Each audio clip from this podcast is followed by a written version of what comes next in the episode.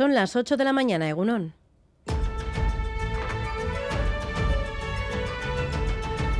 Crónica de Euskadi con Irache Martínez. El gobierno de Cataluña se ha roto definitivamente después de que este viernes Junts per Gat, tras la votación de su militancia, decidía romper con el gobierno que compartía con ERC.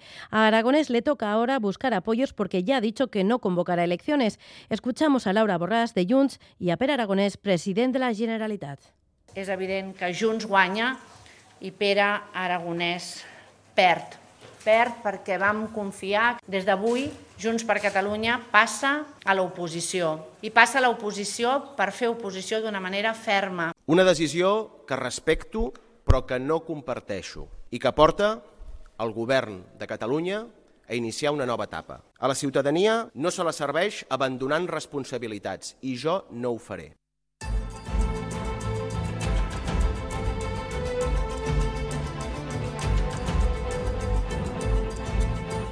Además, quedan menos de tres semanas para el pleno de los presupuestos generales del Estado. Es lo que le queda al gobierno de Sánchez para recabar apoyos. El PNV se ha mostrado algo reticente porque echa de menos una mayor carga en lo económico, aunque eso sí valoraba la parte más social. Reiteran que no habrá apoyos a cambio de transferencias y criticaban desde las filas gelchales el nuevo retraso del tren de alta velocidad. Escuchamos a Pedro Azpiazu, consejero de Economía y Hacienda, y a Denis Ichaso, delegado del Gobierno en Euskadi. El año 92 empezó el AVE con Sevilla-Madrid, 30 años después todavía estamos aquí en obras, posiblemente dentro de 10 años más tarde, es decir, con 40 años de retraso se ponga un AVE en marcha, eso significa que, que la importancia a las inversiones en Euskadi no se le ha dado la debida, la que se tenía que haberle dado. El pasado no lo podemos cambiar. Lo que sí podemos hacer es incremento presupuestario, mayor inversión, aceleración de la inversión para alcanzar las fechas y los compromisos que nos hemos puesto desde ambos gobiernos. Se habló de finales del, del 26, inicios del 27.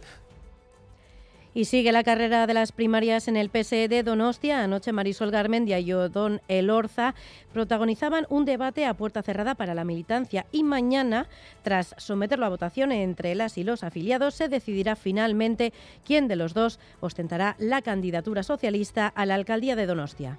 Bueno, lo tengo complicado. Pero también lo tenía muy complicado la Real Sociedad en Manchester y le ganó 0-1, ¿no? La ilusión, la pasión y la esperanza es lo último que pierdo. Soy muy tenaz, soy muy intenso, bastante cabezón, es evidente y por tanto hay que seguir luchando. Siempre veo la botella medio llena, siempre. Bueno, han sido días muy enriquecedores y agradezco además ya desde ahora los apoyos, la energía que me están transmitiendo mis compañeras y mis compañeros. El domingo será el fin de una etapa y el inicio de otra. Y en esta portada les contamos también que anoche un incendio declarado en un desguace de Astigarraga ha tenido en alerta al vecindario de la zona. El fuego se originaba sobre las 9 de la noche en la empresa Desguaces Peyo Berra, ubicada en el polígono Videvitarte, próximo al campo de fútbol de Astigarraga. No hubo heridos, pero las llamas se extendieron entre varios vehículos, lo que originó explosiones debido al combustible acumulado en los coches y también una gran columna de humo causada por los neumáticos quemados. A medianoche, los bomberos de Donostia lograban controlar las llamas. Y vamos ya con un adelanto de la actualidad deportiva en esta portada. Gorka Saavedra, Egunon. ¿Qué tal, Egunon? Pues eh, sábado cargadísimo de deporte en el que destaca el encuentro del Athletic contra el Sevilla en el Sánchez Pizjuán a partir de las seis y media de la tarde, mientras que en eh, segunda división era la vez jugará a las nueve de la noche en Burgos, aunque en cualquier caso la jornada futbolera para los nuestros la abrió eh, anoche, o sea, es una con derrota por un gol a dos contra el Valencia. Además, en pelota, cuatro y medio en baloncesto, Supercopa Femenina eh, en Gasteiz y también especial atención al ciclismo a Lombardía, donde Alejandro Valverde y Miquel Nieve disputarán su última carrera como profesionales. Es que Ricasco Gorka, a partir de las 8 y 20, más deportes. Y repasamos ya el pronóstico del tiempo para las próximas horas. Euskalmet, Mayaleniza, Egunon. Egunon, hoy hemos comenzado el día con un tiempo algo más gris, pero por la tarde el ambiente será más soleado. Durante la mañana veremos bastantes nubes bajas y puede llover un poco, sobre todo en la vertiente cantábrica. Luego, con el paso de las horas, a partir del mediodía, las nubes se irán deshaciendo en algunas zonas de la mitad norte le puede costar más levantar, pero en general para la tarde se abrirán claros muy amplios y predominará el ambiente soleado. Pero está soplando el viento del norte, las temperaturas hoy no subirán mucho y las máximas se quedarán en torno a los 19-22 grados.